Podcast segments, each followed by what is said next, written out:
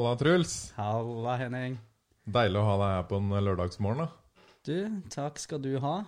Det er, eh, har vært en ganske interessant liten start på dagen, må jeg si. Det har det? Ja, Hva har skjedd? Kjørte nedover Bygdøy allé i en uh, lånt bil av en kompis. Plutselig faller en kastanje ned på panseret og lager en liten bulk. Ja. Jeg fikk helt noia men, uh, på en lånt bil. Men uh, nei da, det ordner seg, det. Ja. Det er bare en litt, litt spesiell og morsom greie som skjedde i dag tidlig. Mm. Du, jeg har jo øh, fått tips av øh, Trond, vår gode venn Trond, Mhm. om, å, om, å, om å invitere deg hit. Du er jo en eventyrmann. Det var jo hyggelig sagt. Ja, jeg har vel eh, opplevd litt mer enn kanskje den vanlige personen der ute.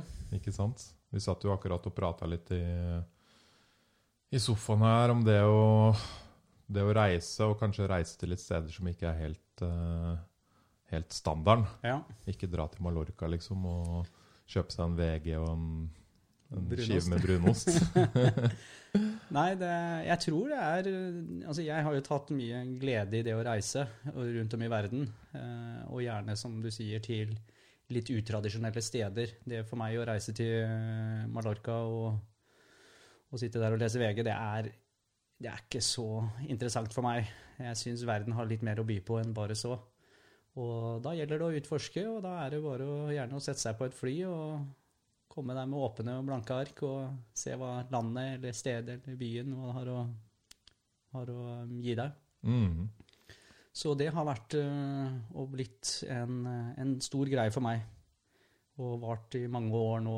Og ja, jeg trives veldig godt. Jeg kribler jo selvfølgelig litt i, i beina etter å sette meg på et, fly, et flysett igjen nå, når forhåpentligvis covid er, øh, gir seg etter hvert. Ja, jeg begynner å få sånn uh, Skal jeg si reiselyst uh, noia. Sånn, helt sånn jeg må Ja, ja. Nå må jeg snart komme meg ut Nei, landet. det er helt tullete. jeg må si, jeg fløy for første gang her i sommer. Ja. Eh, bare innenlandsflight. Eh, jeg hadde helt glemt hvordan det var å fly. Det føltes litt sånn. Glemte det når du sjekket inn bagasjen. og Jeg bare Oi, hvor ble det av den der garasje, den bagasjelappen? Og nei, ok, så fikk jeg den på e-mail plutselig, da. Ja, det var jo fint. Men jeg fikk helt sånn hetta. Hadde ikke flydd på lenge. Men noen av disse, eller eh, disse reisene dine, så har du jo løpt maraton. Det stemmer. Det er jo helt sinnssykt rått. Og Ja, jeg, jeg har jo stalka deg litt før du kom, og sjekka liksom Du har løpt maraton i Nord-Korea, Siberia, Afghanistan, Irak, Iran, Tokyo, Kenya Ja. og mange flere. Ja, ja, det har blitt eh, Jeg har vel en sånn liten oversikt. Jeg tror det har blitt eh, 14, 14 helmaraton. Tre halv, fire halve og ett ultra. Ja. Så det har blitt noen. Eh, og det startet litt sånn forsiktig i 2012, Mm. når jeg egentlig bare skulle løpe Oslo Maraton. Ikke det mest eksotiske kanskje for, eh, for veldig mange, men det var det å Som en del av en litt sånn bucketlist som jeg jobber og har, selvfølgelig. Um, dette var jo da eh, Det skulle bare være det ene maratonet, og det skulle være den Oslo Maraton sammen med en kunde av meg i DNB i den tid. Og så dro vi, og jeg fikk jo syntes det var morsomt å løpe. Liksom, du får jo litt sånne nerver i forkant. Det er jo første maratonet. Du kanskje Du har aldri løpt så langt, selvfølgelig. Og så er det det med at du Jeg tror det er det som Første gang du løper et maraton Alle klarer å gjennomføre det. Det har jeg, jeg har full tillit til alle at de klarer å gjennomføre det, for det går veldig på mental styrke etter hvert. Og selvfølgelig, du kjenner det jo på kroppen. Men det er denne perspektivet over hvor langt egentlig 4,2 mil er. Jeg tror det er det som folk blir litt satt ut av. Ja. Og, så du kommer, det man ofte sier, da er jo en sånn man kommer til en ca. tre mil, så treffer man en liten vegg, og da er det å bare kjempe seg gjennom den siste tolv kilometerne før du kommer til mål. Og den Hvor følelsen mye har liksom det mentale å si når man løper maraton? er, det er veldig mye. Jeg vil si at det er 85-90 ja, Ja. går på det mentale. Så nesten alle kan klare det, uansett det. kroppsfasong og hvilken form du er i. Nesten. For å sette ting litt i perspektiv, Ja. så øh, er det slik at øh, jeg tror en gjennomsnittsperson går ca. 5 km i timen. Eller 4,5-5 eller noe. sånt. og da betyr det at du kan eh, fullføre maraton, sånn jeg har fått eh, beskrevet, eh, på åtte, litt, ja, åtte og en halv time omtrent. Da. Ja. Så det Hvis du betyr, tusler, tusler litt fort. det betyr, og veldig mange av disse maratonene eh, kanskje ikke har helt opp til åtte. New York Maraton vet jeg har makstid, du har jo sånn gjerne en makstid, så i New York Maraton så er det åtte timer.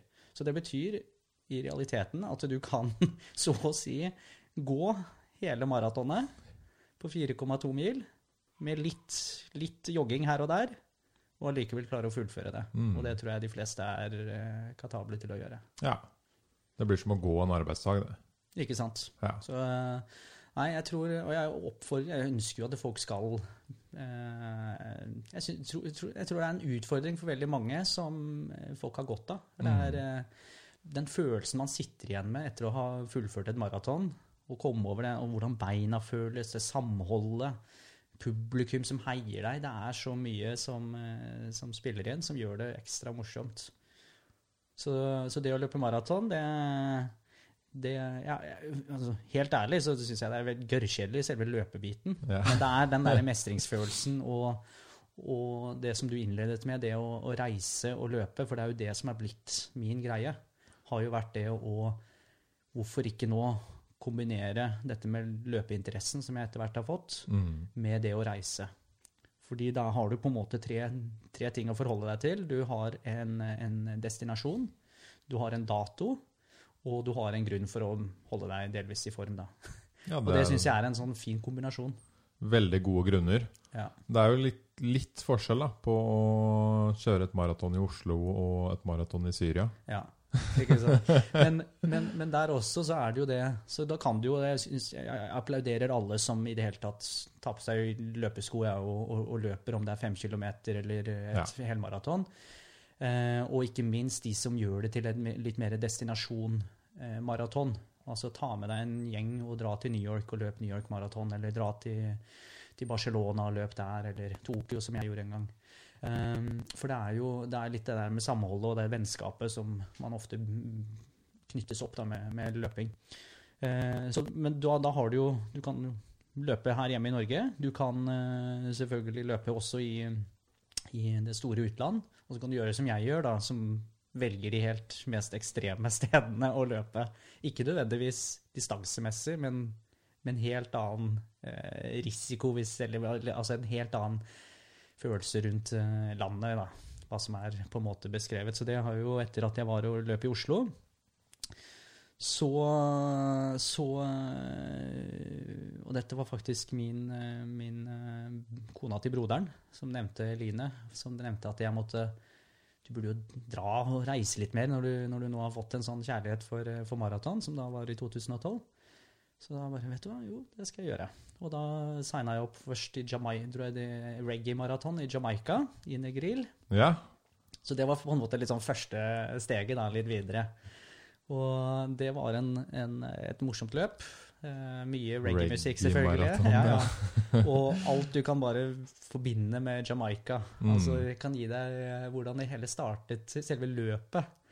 For det, var litt inspirert, for det blir jo veldig varmt i Karibien. Eh, så her også var det jo Sånn på peaket var det vel ca. 30 plussgrader når vi løp. Men eh, når vi startet, så var det jo da oppvarming med masse reggae-musikk. Og de sto da med fakler bortover hele starten. Og startskuddet gikk, og du bare Woo! Her uh, var det noen som leita opp litt godsaker, som vi kaller det sammen.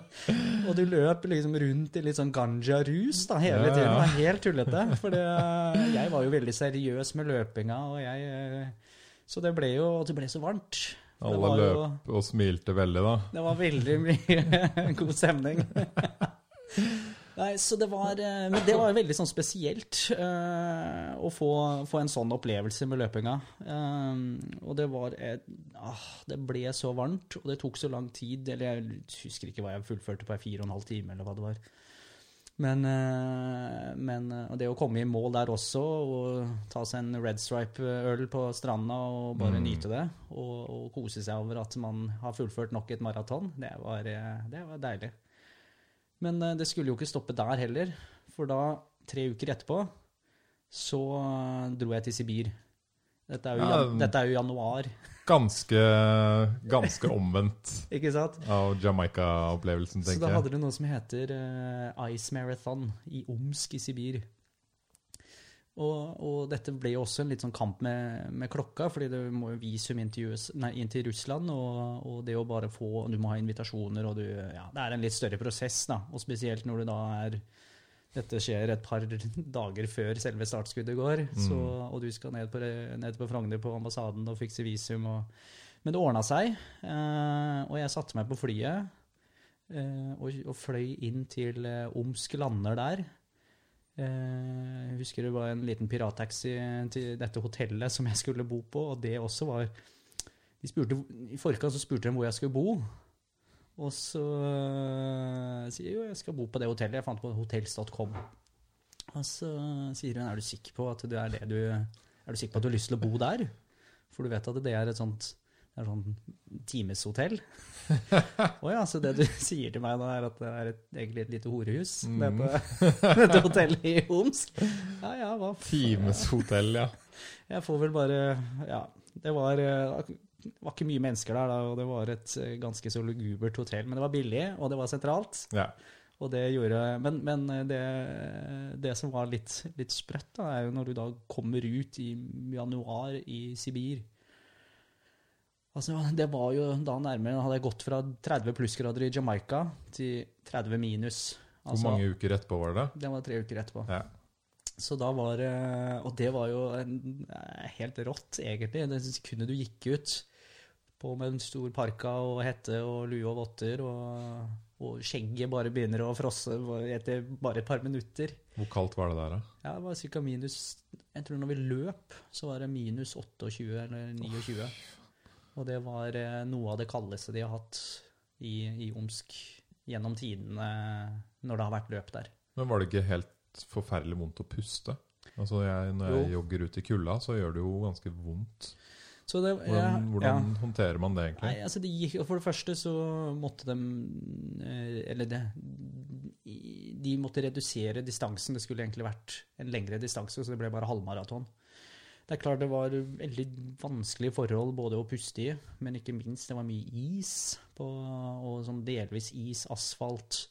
Og, og jobb, løpe da med vanlige joggesko er jo ikke helt optimalt, for du, du trenger jo noen form for grip.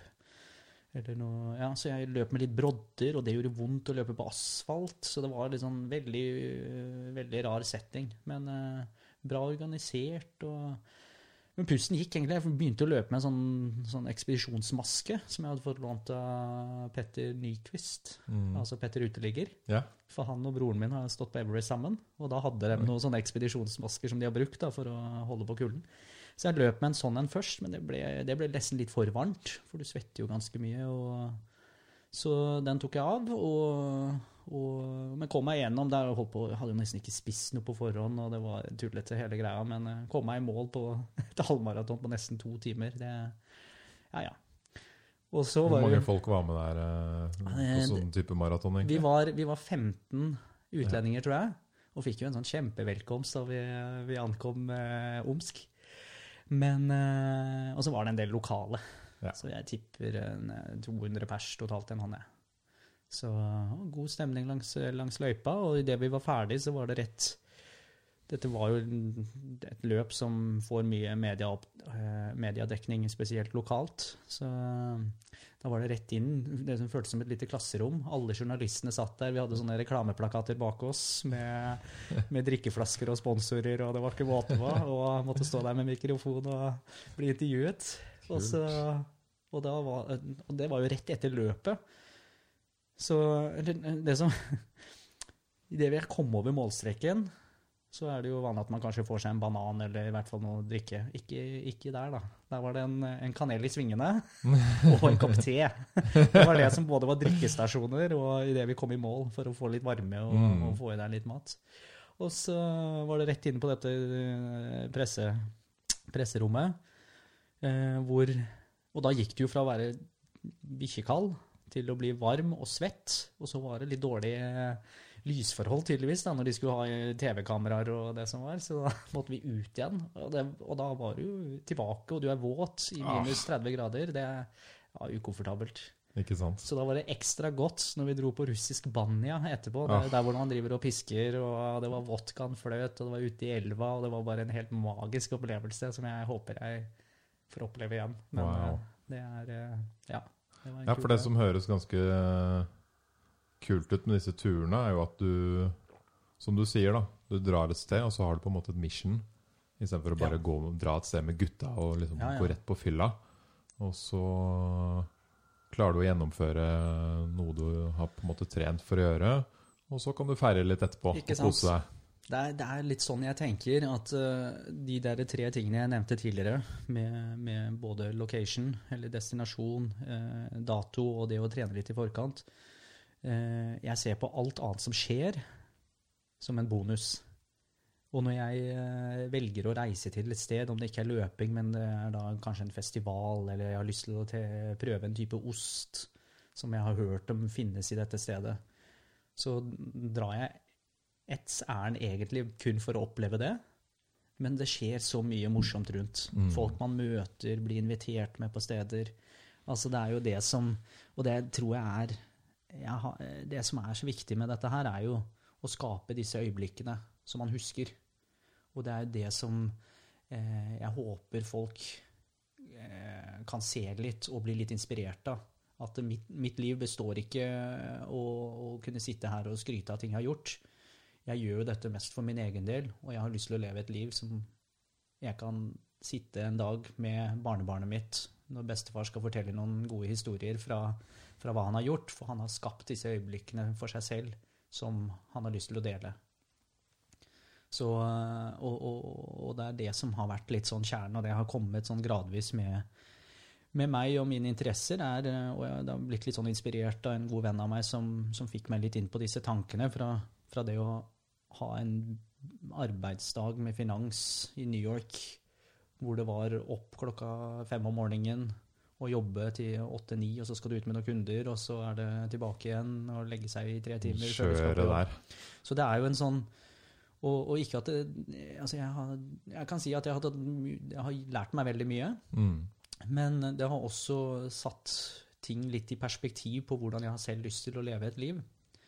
Og mye av det ligger i, i Og så fikk han kompisen min Diego meg litt inn på Det var et par sånne TED Talks som inspirerte meg litt, og, og som har gjort at jeg er litt mer bevisst på når jeg nå er ute og reiser, så er det ikke kun av én ting. Det er litt den der med å, å skape disse øyeblikkene som for meg er veldig viktig. Ja, for gode øyeblikk, det er det du husker resten av livet. Vet du. Ikke Det sant? er ikke, det er ikke ting Nei. Som skaper eh, Som gir deg lykke i livet. nei, Det er gode øyeblikk, gode opplevelser. helt klart. eh, som du sier, da. Ting du kan fortelle barnebarna dine, eller Ja, ja. vennene dine, eller Og det er, eh, det er Det ligger noe i det der. og Jeg, spesielt én TED Talk som har inspirert meg mye, som jeg har delt med folk når de, når de trenger et lite løft eller trenger litt inspirasjon, er hvor det, det er en veldig flott Den heter Life Profit. eh, Det, ja, det er en, en som står der og er eh, Kommer på en måte litt fra mitt ståsted, for han ting gikk ganske på skinner. Jobb, alt var egentlig jobbet i finans, fikk et par jobber der, men så begynte han på en liten sånn reise for å prøve å finne, finne litt sånn eh, Ja, hvor, hvor tiden går, og hva Vi har ett liv her på jorden, og hvorfor skal vi ikke lage det beste ut av det? mm. Skape disse øyeblikkene. Og det har gjort at jeg ble sånn superinspirert selv, og, og begynte på en liten journey, kan du si. da. Men noe han presiserer i denne, denne YouTube-klippet, er eh, når man ser på litt sånn statistikk, hvis jeg spør deg nå, kan du gjenfortelle hva du har gjort eh, den siste måneden, eh, dag for dag? Kan du fortelle meg hva du har gjort?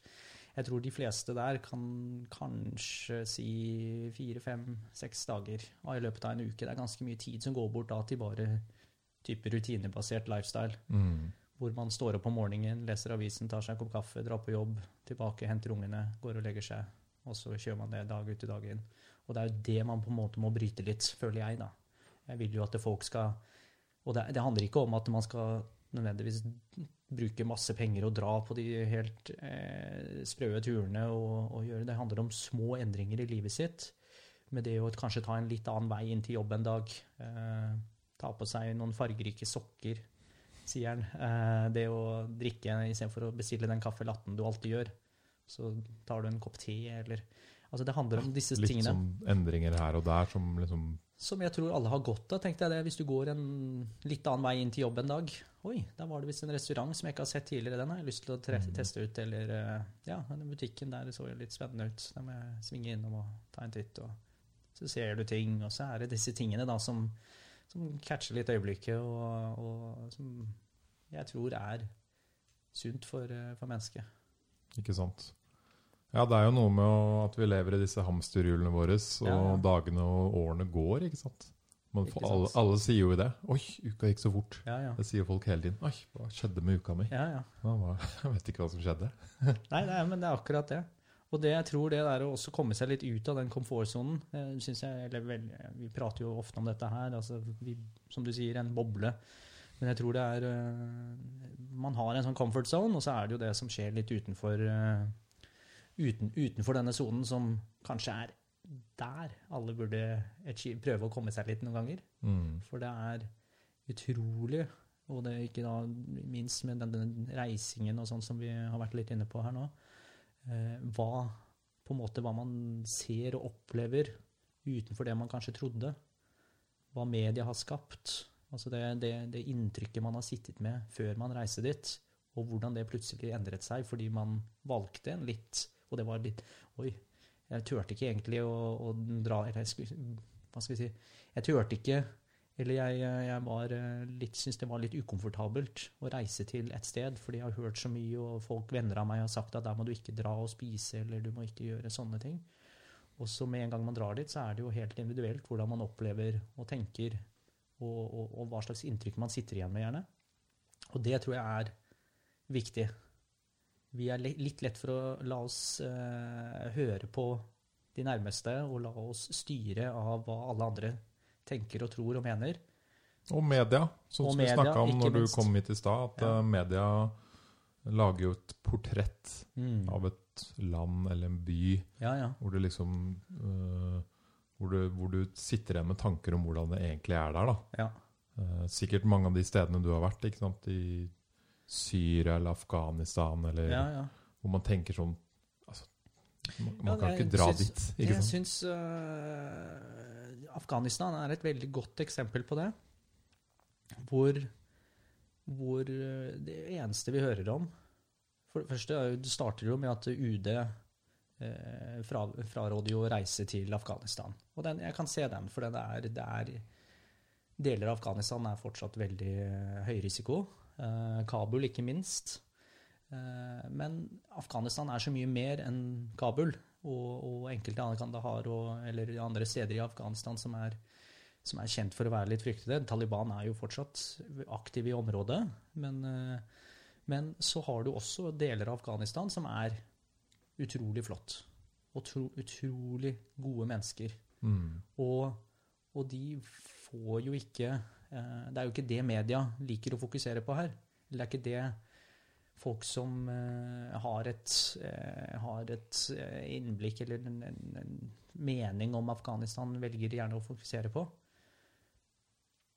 Og, og det er det Når jeg dro dit, det var i sammenheng med et, et maraton i 2018, hvor vi fløy inn til Kabul. Vi skulle egentlig kjøre fjell, gjennom fjellene og opp til en, et område som heter Bamiyan, som ligger ja, Det ville tatt fire timer med kjøring gjennom fjellene, eh, men pga.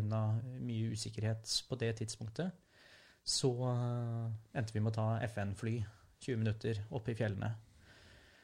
Og vi kommer til Bamiyan, og der er det jo eh, altså, en liten by.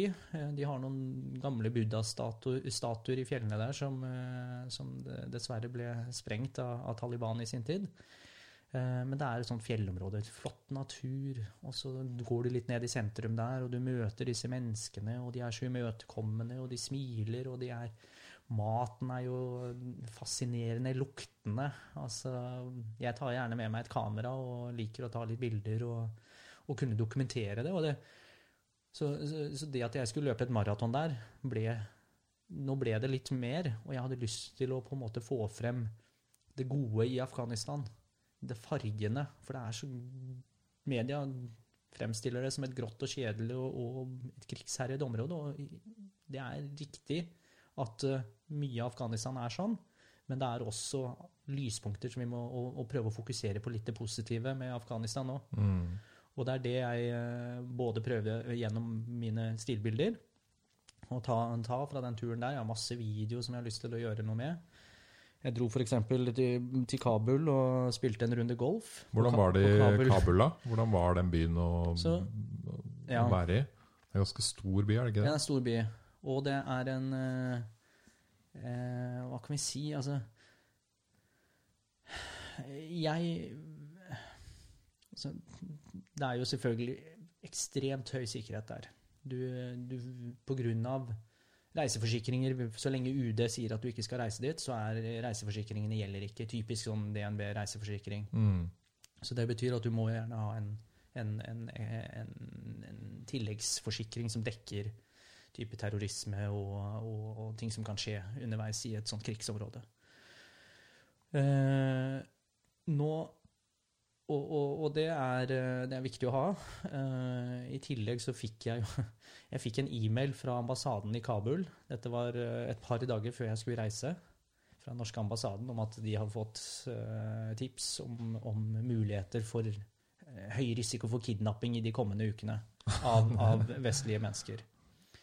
Så Hva det er klart, tenkte du da? Du, ja, så det er klart man, man gjør seg litt tanker, men jeg tror sånn Jeg var Jeg har, jeg har nok ikke den frykten som eh, når jeg skal inn i sånne her type steder. Eh, om det er Nå var jeg i Mogadishu også ganske nylig.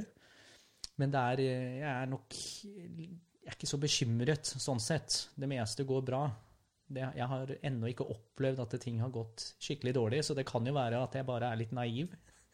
Men det blir ikke sånn ordentlig altså Jeg husker det også når jeg dro til Nord-Korea. eh, disse tankene man gjør seg i forkant. eh, hva man forventer å se.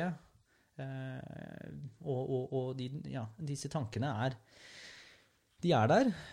Jeg, når jeg skulle inn til Afghanistan, så tror jeg ikke det ble en sånn, virkelig en sånn reality check før jeg skulle gå på flyet fra New Delhi inn til Kabul. mm.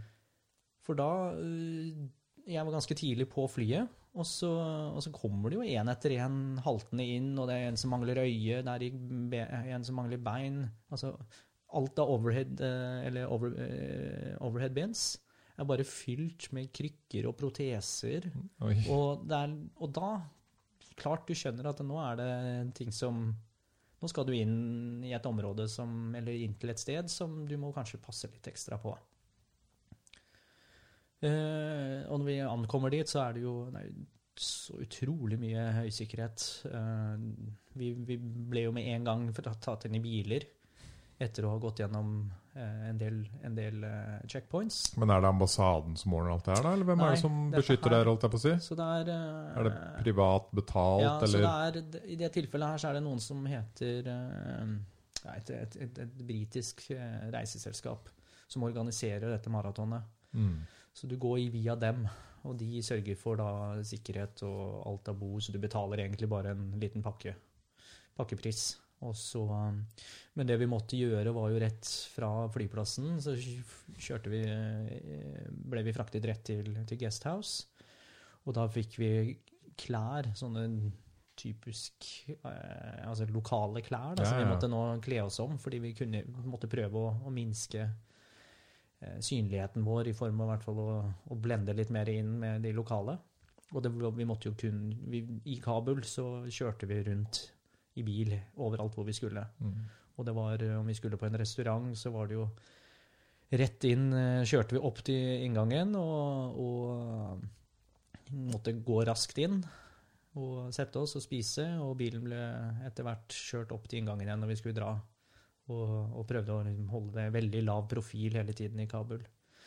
Men uh, det var uh, ja, Foreløpig så er det veldig utrygt i, i, i Kabul, så det er uh, Jeg unner ingen å, å leve sånn som de gjør der. Nei. For det er, det er ganske trist, og, og jeg skjønner at det folk flykter fra, flykter fra, fra landet og, og prøver å finne en bedre verden et sted.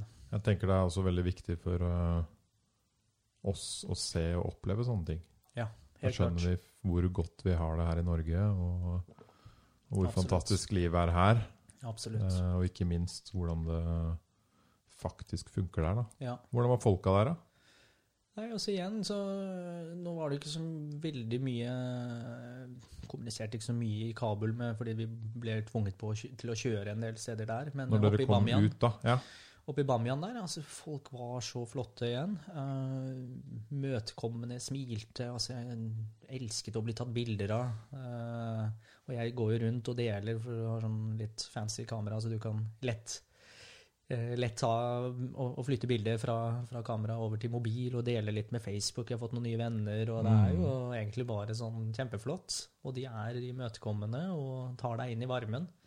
Og det er jo det som er flotte med, med menneskeheten, er at eh, det er dessverre en, en veldig få prosentandel av verdens befolkning som ikke er bra, mens resten er utrolig gode ja, mennesker. og den prosenten er, er veldig liten. og den er, ja, den er Men den får veldig mye oppmerksomhet. Dessverre gjør den det. Ja.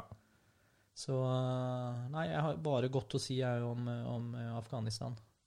Mm. Eller godt å si i den forstand at det er De har sine utfordringer, men, men det er et spennende land å reise til. Og som mye annet av verden. Men er Men når ja. du drar disse stedene, er du der typisk Hvor lenge er du der? Altså I Afghanistan så var jeg i seks dager, var det vel. Så mesteparten i Bamiyan. Men også jeg fikk en ekstra, ekstra dag i, i Kabul. Hvor, øh, hvor jeg fikk eh, oppleve litt på egen hånd, eller ikke meg alene, men med en guide. Fordi vi, vi er jo tvunget, som sagt, til å kjøre veldig mye rundt. Og jeg hadde hørt om øh, golfbanen i, i Kabul. Ja. En nihuls golfbane som jeg dro og, og, og, på det tidspunktet også så var jeg litt involvert øh, golf med noe, noe annen jobb, så for meg var golf litt sånn morsomt. Jeg er ikke god til å spille i det hele tatt. Og da fullt i, eh, på, eh, kledd i afghansk lokal eh, lokale klær. Så ble det en nihulsrunde på en eh, ganske så tørr eh, golfbane. Men eh, nei, der også ble møtt av en hyggelig Eller to personer.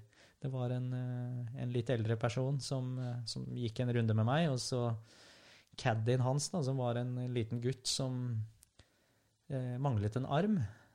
Eh, og, og det var litt sånn spesielt i en sånn setting, fordi her har du unger, det er krig, det er gleden med golf, og det å kunne gjøre litt aktiviteter.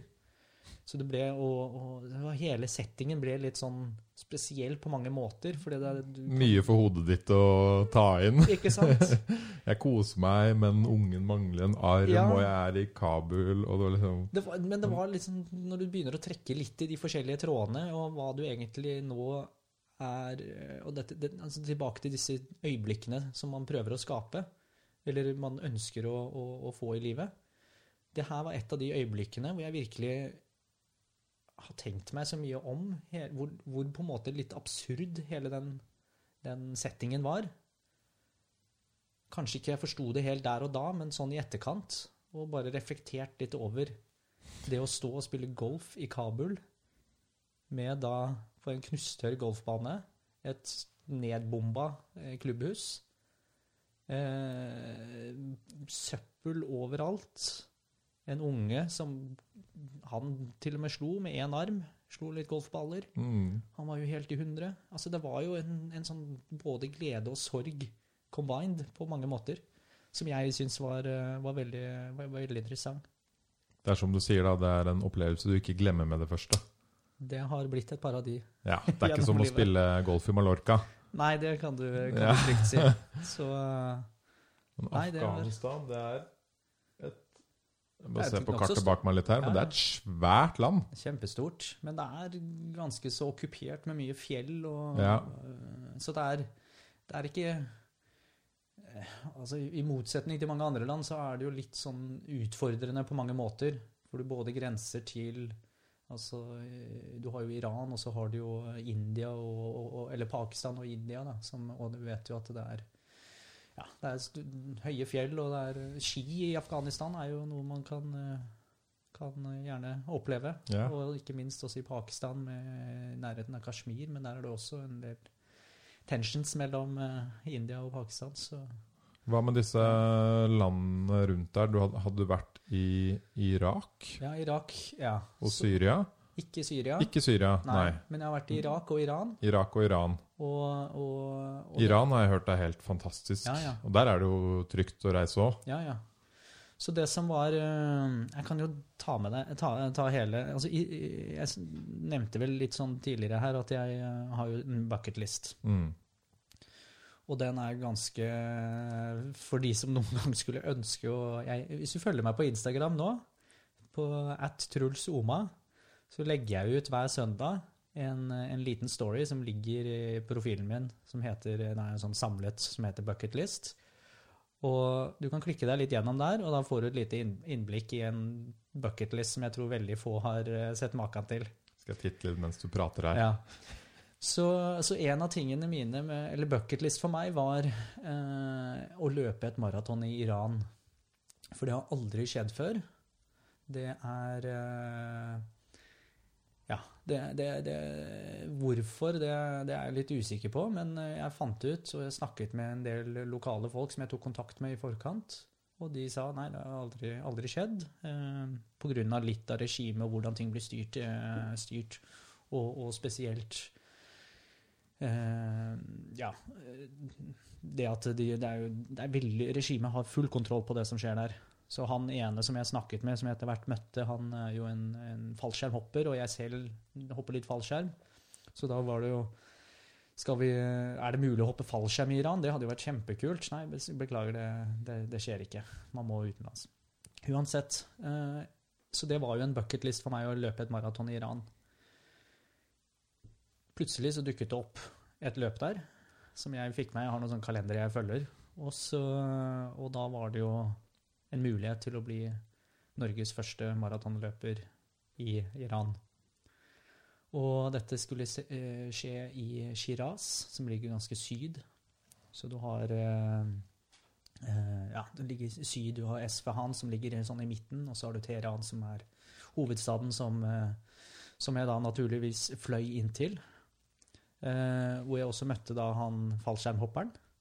Og han tok meg under vingene og ville vise meg eh, hele Teheran. Og jeg dro og sto på ski. Vi dro på en gammel altså de, Jeg husker ikke, det heter Sur, Surkhané, tror jeg det heter. Som er en sånn gammel eh, treningsmetode. Eller det, altså det er et eh, det er hva skal vi si, en, en eldre satstime med- i iransk versjon. Med Hva, bønner. hva med gjør man da? Så du har Det er bønnerop underveis som man synger, og, og så er det Kall det sånne treklubber. Som er sånne tunge som brukes som manualer, og du bruker de i litt sånn danssammenheng nede i en ring. Og ja, det er en liten sånn sprø, sprø liten iransk uh, måte å trene på. Som er på meg på en måte litt sånn vei, vei ut. Eller altså den begynner å bli litt glemt. Det er en historisk uh, funky greie. Som er egentlig bare helt sprø. De går med noe sånn Ser ut som noen sånne, sånne s- lederhosen. Sånne skinnbukser-opplegg. og så er det fullt ståhei. Så det fikk jeg jo oppleve, og jeg var og skatet i, i en skatepark i Iran. Og som du presiserte, altså Iran er utrolig vakkert. Tenk deg bare før eh, det, det sittende regimet nå har hvordan Iran egentlig var. Altså det var jo det beste sted på jord, nesten. Altså Folk var frie, slo ut håret, dans og moro. Og dette var jo på 70 70-tallet, hvis jeg ikke tar helt feil. Eh, Og så endret alt seg. Og nå er det jo blitt et, et, et helt annet samfunn, men folk klarer å finne litt gleden i, i hverdagen selv. Og det å oppleve Iran nå, nå, Jeg ble så betatt av det å være i Teheran. Jeg skulle egentlig ferie eller reise litt lenger sydover og, og, og komme meg ned til Shiraz og løpe maratonet, men jeg, ble i Teheran så å si hele tiden. Mm. For jeg hadde det så, så flott der, og jeg ble så godt tatt vare på av, av personene derfra. Så, men vi kom jo til eh, Etter hvert så var jeg jo nede i Shiraz og løp dette maratonet som ja, var kjempemoro. Det var jo full ståhei eh, som første maraton noensinne i Iran. Og da hadde vi Det var tydelig litt sånn dårlig Litt kaos med organisa organiseringen, og det er ofte en del av disse løpene jeg gjør, så er, blir det litt kaos. Sånn eh, ikke alt som er helt på stell, og, og i dette tilfellet så Jeg lurer på om vi kom ja, Det var sånn ti på åtte om morgenen. Startskuddet skulle gå klokka åtte. Og vi bare må løpe ut av bussen og bort til startstreken. Og det er masse media, masse mennesker. Dette skal jo vises på nasjonal TV. Det er og, og, de skal, og alle, alle utlendinger skal foran. Alle må stå foran. Så jeg, sier de, og jeg står jo der og hoier, og, og det er liksom kamp om plassene. Og, og så venter vi egentlig bare på at startskuddet skal gå. Ikke varmet opp, ikke liksom noe forberedelser. Og så er det, står de på en måte klar med pistolen, og men nei, nei, nei, nei, nei, nei, nei. Vi, vi kan ikke starte helt ennå. Vi har glemt en sånn sang og en klappeseremoni. Så nå skal, kommer det opp noen unger, og de skal klappe. Og, ja, og så etter hvert så går startskuddet. Eh, 20 minutter over åtte, tenker jeg. Og da, da var det jo bare å sette i gang. Og der nede i, i Shiraz er det eller Pash Police, som er en veldig sånn gammel by. Jeg tror den har, den har ganske stor betydning sånn historisk sett. Eh, og det selve løpet eh, foregikk rundt der. Eh, og det var litt fascinerende der også, for det var masse skoleklasser som sto, og du, du på en måte løp som en sånn basketball sånn ut på banen, hvor du bare handshaka med alle på begge sider. Du, du, og, og de sto med skilter hvor det var sånn 'Welcome to Iran', og 'Iran is a safe place'. Og det, du stusser litt sånn OK, det var jo litt spesiell type skilt å ha, da, med noen unger som står og flagger med iranske flagg. Og, ja, det var, eh, var sprø greier. Men der Mm. også der, og, Igjen, det er sånn Folk jukser litt på disse løpene, om det ikke er så seriøst som kanskje New York Marathon eller Oslo. altså Folk tar seg litt til rette. Så jeg opplevde jo at han ene som løp rett foran meg, plutselig kom det en kompis og opp med motorsykkelen, og han bare hoppa bakpå. og de kjørte av sted.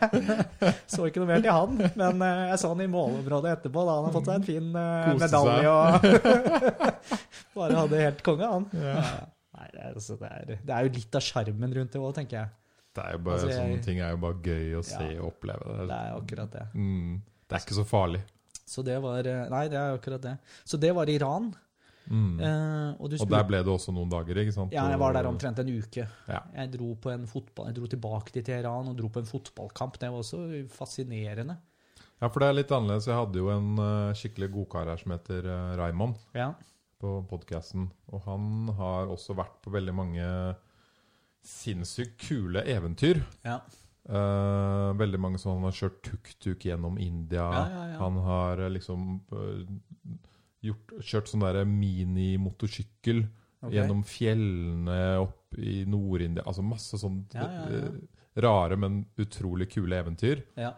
Men Og så spurte jeg han men har du liksom fått opplevd noe av folka og maten og liksom hengt litt og blitt kjent med lokalbefolkningen? Ingenting. Nei. Så er det liksom inn, kjøre, dødshardt i to-tre uker, rett hjem. Jeg bare, Raymond, må jo bli litt der. Altså, jeg, jeg, jeg tror jeg er litt mer av den som Eller jeg skal ærlig innrømme, det har jo vært noen ganger hvor eh, man kanskje ikke eh, har muligheten til å bli så lenge, for det første. Eh, men Selvfølgelig. Sånn er det er jo av og til. ja, men jeg er jo litt opptatt av at jeg prøver å få det meste ut av de turene når jeg først setter meg på et fly for å dra et sted. Og jeg har på en måte jeg kaller det litt sånn mission trips. Jeg. Fordi det handler om at jeg, jeg, jeg jo, drar jo gjerne et sted for å oppleve noe spesielt. Og, og da er det jo litt viktig at man eh, utfyller den tiden når man først har både tatt seg tid, ikke minst brukt penger. Og det er jo det går ikke noe, går ikke noe sånn Ryanair-fly til Mauritania, sånn, eller eh, Norwegian flyr ikke tur-retur direkte der. Så det er, da ender det opp med å måtte ha litt mellomlandinger, og billettpriser blir ofte litt dyrt av den Mm. grunn. Men, eh, så det er jo en investering både i tid og penger som man gjør, og hvorfor ikke da prøve å gjøre best, mest mulig ut av det, da. Vi ble enige for så vidt om at han skulle øh, gjøre det neste gang. Ja, nei, men det, det Prøve. tror jeg er bra. Det tror jeg er bra. Nei, men, eh, men du spurte, jeg har bare lyst til å nevne dette med Irak, fordi, Ja. fordi du spurte, spurte om jeg hadde vært der òg, og det har jeg. Og det var også i sammenheng med et maraton, fordi nå så jeg Jeg hadde da løpt et maraton i Nord-Korea. Ja, så Nord-Korea må vi snakke litt om Vi skal- før du vi skal snakke altså om det. Nord-Korea må jeg har du, har du forresten sett den muldvarpen? Jeg har gjort det. Hæ? Ja. Og det er, det er ganske sprøtt, egentlig. Og, og måten Nord-Korea blir fremstilt Det er ganske Jeg, jeg, jeg syns det var fascinerende og ganske spot on mm. på egentlig hvor hvor eh, Og det, det var litt mitt inntrykk av Nord-Korea også. For jeg, jeg gjorde en del Eller hva skal vi si Jeg kan, jeg kan ta dere med en liten en, Fortelle litt mer om, om akkurat Nord-Korea. Fordi dette startet som eh, et eh, jeg, jeg har alltid hatt lyst til å oppleve Nord-Korea. Og, og alle kan oppleve Nord-Korea. Er- Du har type to sånne turistselskaper av, av størrelse som tilbyr turer inn til Nord-Korea, men det er veldig sånn bestemt. Ok, du, du får visum, og du, du får jo en sånn egen agenda når du reiser inn dit. Og du skal møte klokka to i lobbyen på hotellet, og vi skal kjøre dit og oppleve det, og vi skal være der i tre timer, og så skal du videre dit, og sånn og sånn. sånn. Veldig styrt. Og du får jo ikke det er jo, Du får jo ikke bevege deg så veldig fritt. Men, men det som uh, fanget min interesse, var i, jeg fikk da en, en, en link fra en tidligere kollega av meg om at det fantes et maraton i Nord-Korea. Dette var da i 2013, april 2013, hvor, eh, hvor jeg eh, da ble veldig interessert til å vite litt mer om dette maratonet. For det er jo sånn Hæ? Dette er jo perfect i forhold til hva jeg driver med, og løper og prøver å finne litt sånne Nå hadde jeg vært i Sibir nettopp, og, og i Jamaica. Ikke at det var sånn veldig stort, men oi, Nord-Korea, har de et maraton? Så begynner man å søke litt opp, og dette var jo bare en link til Associated, Press. Hadde en, eh, hadde en liten filmsnutt da, fra årets maraton i Nord-Korea. Jeg bare, wow, dette er kjempekult. Begynte å gjøre litt research. Helt umulig å finne noe som helst informasjon om dette her. altså, det var så blanke ark. Ja. Det eneste jeg kom over, var ja, selvfølgelig denne filmsnutten, men, men også Wikipedia hadde en liten, liten artikkel om at eh, ja, det pågår et maraton i Nord-Korea. Det har holdt på i 26 år. Eh, og her har du en liste over de som har vært med, eller de som har vunnet. Eh, klart det er noen år hvor det ikke ingen vet. Men sånn skal det være litt Ja, Nord-Korea. Og så, så ser jeg da at det er eh, Ivan fra Ukraina vant i 2010. Og så slår jeg nå på Facebook, sender han en melding.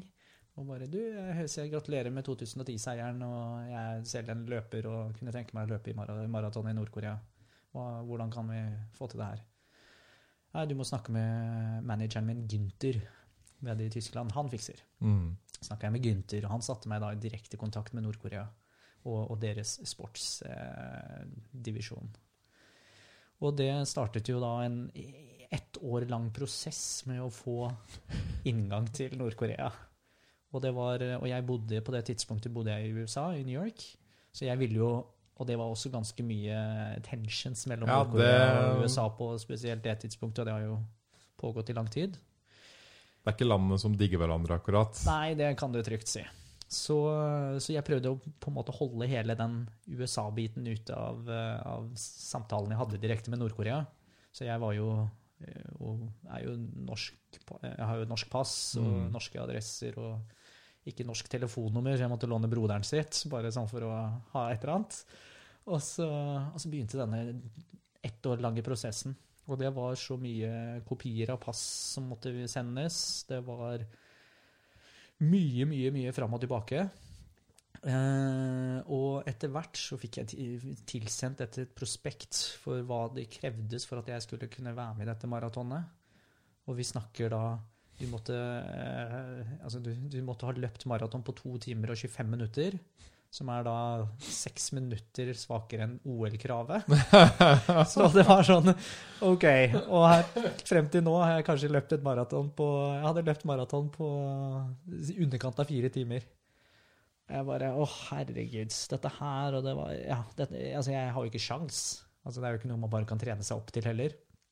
Så, så jeg måtte bare være såpass ærlig og si, vet du hva Jeg klarer ikke disse kravene, men hva om jeg betaler alt selv? For de skulle jo da betale, det var jo en del av pakka da hvis du ble invitert. Ok, ja. Så tok dem og dekket alle kostnadene dine. Så jeg bare, vet du hva? Jeg betaler for alt selv. Kan jeg allikevel være med? Og de bare hm, ching-ching, tenker litt cash. og, og det åpnet da, og jeg, jeg vil si, for jeg ville jo ikke ta et, et eh, nei for et nei. Jeg skulle jo være med på dette maratonet.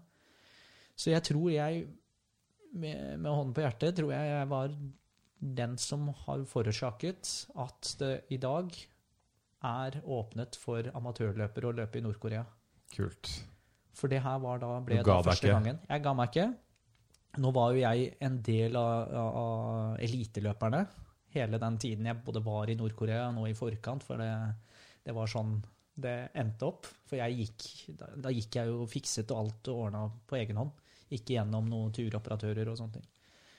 Så, så det gjorde jo at uh, i starten av 2014 så fikk jeg uh, Da hadde det ja, april 2013 begynte hele prosessen.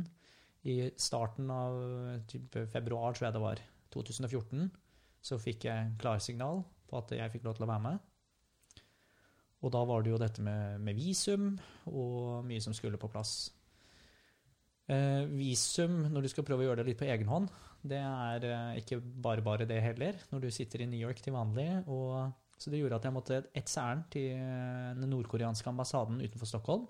Mm. Lidingø. Der har de en, en liten Og det så du kanskje på NRK Muldvarpen. Han var jo der. Og det var så sprøtt å se det stedet igjen. Ja, det kan Jeg jeg satt, tro. jeg satt der inne på en sånn liten skinnsofa, og bilde av, av far og bestefar på veggen, som det Mm. er i alle rom.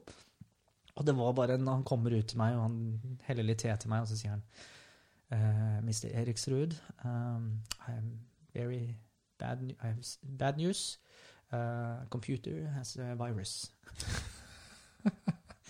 og jeg tenker da har jeg flydd egentlig et, Jeg sa jo at jeg var i Oslo, men jeg hadde jo egentlig flydd ett ærend fra New York til Stockholm for å plukke opp visumet. Og dette var mandag, og jeg skulle rekke et fly på kvelden tilbake til New York. Så jeg var jo litt sånn avhengig av å få dette visumet. Og, han, og så får jeg den nyheten, og så tenker jeg Åh, fuck, er det det her som skal ødelegge Ja. den Altså, det er litt surt. Men, men. Hvis du, fikser, hvis du fikser det, så får du i hvert fall ringe meg. Og så ringer de da broderen, for han har jo nummeret som jeg har gitt. Mm. Og, og det er bare et par timer etterpå, og så sier de ah, 'Computer work. Now you can come'. Kom, kom. Kom. Så da dro jeg tilbake og fikk plukket opp visumet. Og da var i hvert fall den biten på plass. Og så var det jo dette å få flybilletter til, til Nord-Korea. Hvordan flyr man dit, egentlig? Nei, så det, det mest vanlige er jo via Beijing. Ja. Eh, der har du Air Koroyo, som er det nordkoreanske flyselskapet, og så har du Air China flyr også inn til Nord-Korea. Eh, Air Koroyo har noen tullete websider som er vanskelig å håndtere, og, men det er kanskje det som det, var lettere for meg å kjøre Air China. Men det som var problematikken, og jeg måtte jo fremvise at jeg hadde inn- og utreise som man, eh, man ofte må i enkelte land, Eh, problemet var at jeg fikk bare bestilt en to enveisbilletter. Og den returbilletten min, den var ikke så lett sånn med en gang. Så en god stund der så hadde jeg egentlig bare en enveisbillett inn til Nord-Korea. hvor, hvor da jeg Ja. Så den 14. Ja, Når var det? Det var i april, altså rundt midten. Det var bursdagen til bestefar, som, som er litt i anledningen til eh, eh, Kim Jong-il, er det vel. Eh, når han, eh, de feirer jo hans bursdag i sammenheng med dette maratonet, så det var jo fullt ståhei og sånn når vi var der. Men eh, det som nå, Jo, det som skjedde vet du, når jeg dro dit, det var eh, en amerikaner som var på samme flyet mitt. Så jeg går bare kommer inn, lander, og jeg er ganske raskt av flyet. For jeg blir jo også igjen litt tilbake til den derre når du skal inn i et land, og de inntrykkene og de følelsene man sitter med eh, i forkant, de følte jeg virkelig på da. når Jeg Mm. satt der på, på flyet, og vi lander inn i, i Nord-Korea. Og jeg er bare OK, nå begynner moroa. Og så um, kom jeg inn i, i uh, eh, ja, altså inn, inn, inn på selve terminalen der. Og blir møtt av litt folk, og de OK, boom, og går ut. Og, og de går, begynner å gå gjennom alle, alle tingene mine. Og sjekker at jeg ikke har med meg noe, noe, ja, noe som er, kan bli oppfattet som eh, ulovlig da, i deres øyne. Porno, eh, hvis jeg har med meg noen religiøse greier. altså Det kan være så mangt. Og de sjekker jo hva du har med deg av elektronikk og det som er. Og så får du, eh, så får du tildelt en, en guide og en, en sikkerhetsperson som på en måte skal bare sørge for at du ikke finner på noe tull. Guiden er egentlig mest der for, kun for å oversette. Og jeg sitter ute i bussen og venter og venter og venter. og venter. Eh, Vi kom, altså, så har jeg sittet der nå snart i to timer ja, og venter. Så er det tydeligvis en amerikaner på flyet mitt. Idet han ankom Nord-Korea Du kan lese om dette her i Wikipedia også. River han opp passet sitt idet han har kommet inn i Nord-Korea, og, og krever asyl. Oi. Så jeg vet ikke hva hele greia er. Og det er sånn helt sånn sprøtt. Og han ble jo Jeg tror han ble etter hvert ble fengslet. Men jeg vet ikke så mye, mye mer. Men det Han ville ha sånn- asyl i Nord-Korea. ja, En han amerikaner. Ja.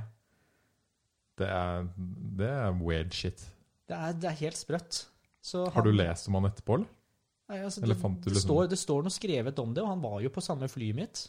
Så det er, eh, men jeg har ikke satt meg noe særlig inn om hva mer som skjedde. Men jeg, jeg mener å ha lest et sted at han kanskje ble bura inne, eller Det var i hvert fall bare helt sprøtt. Men da skjønte jeg hvorfor jeg ble sittende så lenge Ja. og vente. For det må ha vært litt kaos inne på, på flyplassen der. Men øh, Nord-Korea, altså det er jo Hvordan var det å komme inn dit, og hva skjedde? Ja. Og det, Nei, så det Altså, det er jo som du ofte ser og hører om. Altså, jeg, nå hadde jo eh, Det var noen human rights-organisasjon som kom ut med en veldig stor 300 siders blekke-rapport i forkant av min innreise dit. Jeg tror den kom i februar, og jeg dro i april. Og jeg begynte å lese opp veldig, for jeg ville prøve å være så eh, kunnskapsrik rundt mye, og, og ikke minst ja, prøve å ha et, et godt utgangspunkt for å, å, å kunne oppleve Nord-Korea. Og da tror jeg det er veldig viktig når man skal sette seg inn i ting, at man lytter til begge sider av historien, og, og hva som skjer, og hva som ikke skjer, og sånn at man kan danne seg et bilde og en forståelse. Så jeg hadde lest gjennom hele den rapporten, og den er jo selvfølgelig ekstremt negativ med alt som skjer i Nord-Korea. Og den fikk jo sånn, den nevner alt fra kvinner har ikke lov til å sykle, eh, å ha hund som kjæledyr er eh, ikke Det er en privilegering å ha noe sånt noe. Det å bo i Pyongyang, det er veldig få som får lov til å gjøre. Det å gå fra et nabolag til et annet, så skal alt registreres. Altså, det er mye sånne ting. Ehm, og, og ikke minst alt det du har hørt gjennom media. Alle må ha samme hårklipp som Kim Jong-un. og det var, altså, Dette her er jo ting som er med på å skape dette bildet du har sittet med da, i forkant. jeg tipper alle har ganske likt bilde av Nord-Korea, ja. Ja, Det tror jeg. det er nok helt sikkert og visst. Og så, så det er jo Ting er ganske så normalt, vil jeg jo si, i Nord-Korea, når du egentlig ikke legger det til grunn. da. For folk går jo i gatene der. Det er jo nesten ikke noe Det er nesten ikke noe trafikk. Eh, Store motorveier med lite sånn som du har sett på bilder og alt sånn. Det er propagandaplakater rundt omkring. Eh, Kjøpesentre som er musestille. Det er jo eh, ytterst få som går i dem. Så er, alt er jo litt sånn sprøtt. Men du har taxier, det er heiser Jeg var på et lite sånn badeland på hotellet. Det var bikkjekaldt, og folk satt der og røyker jo overalt. Mm. Satt der og eh, røyka på, på, på badekanten der, og, og, og sneipen nede i vannet og spiste nudler og på propaganda på TV. Det blir jo litt sånn tullete. Men følte du på en måte at alt var staged? Nei, men du, du, du får noe Altså, du, du Jeg kan gi deg et eksempel på hvor du skjønner at det er litt eh, ugler i mosen. Fordi jeg skulle spille bowling, og, og, og, vanligvis eh, som jeg nevnte innledningsvis, altså vanligvis når du reiser til Nord-Korea, så er det jo at du har et ganske tett program. Du er der i seks dager. Du skal gjøre det og det og det og det og det. Og det og det. Og det er ikke noe det er ikke noe forskyv... Altså, du, du må følge programmet og Ja. sette deg på fly og ut igjen. I mitt tilfelle så var det jo ikke satt noe særlig program. For jeg kom for å løpe maraton. Så dette var jo helt uavhengig av disse som driver med turisme i landet. Hvis jo man kan kalle det turisme, for det er jo Mm. bare noen tusen som får lov til å reise inn til Nord-Korea hvert år. Så det gjorde jo at eh, ok, da må jeg ta litt ting i egne hender. Du var litt utenfor programmet, da? egentlig? Jeg var Du helt hadde uten- funnet en liten hack hvor du Det slapp den standardprogrammet? Ja, er standardprogrammet. Men det gjorde jo at jeg måtte finne på litt ting selv. Eller i hvert fall få høre om jeg kan få gjøre ting. Og det var jo ikke bare bare. Så det å dra og spille bowling Altså, jeg tror det tok fire dager for å få det godkjent, for at vi kunne dra og spille bowling på en tirsdag klokka ti på, på morgenen. For da Om de trengte Og det var jo sjåka fullt. Altså, jeg har aldri sett så mange glade bowlingspillere klokka ti på en tirsdag morgen som det var i Nord-Korea. Og da er det jo klart, og du får utdelt Altså, du føler deg som en liten konge når du går i Nord-Korea, fordi de tar så ivare på, eh, de ivaretar deg som den du er. Mm. Du skal oppleve dette landet, og du skal få en sånn derre King, King of Nord-Korea-kopp i, i hånda. Du skal komme hjem og fortelle gode historier om landet, for å Ja, si det ja. sånn. Mm. Og, da, og da skjønner du jo at ting er litt staged, for det er, ingen, det er ikke normalt å dra og spille bowling klokka ti på en tirsdag, Nei. og det er sjokka fullt. Altså, du skal være heldig om det i det hele tatt er åpent klokka ti på en tirsdag. Så, og så var det et par andre ting også. Vi skulle, jeg ønsket vi ble spis, spisende frokost, lunsj og middag på hotellet hver eneste dag.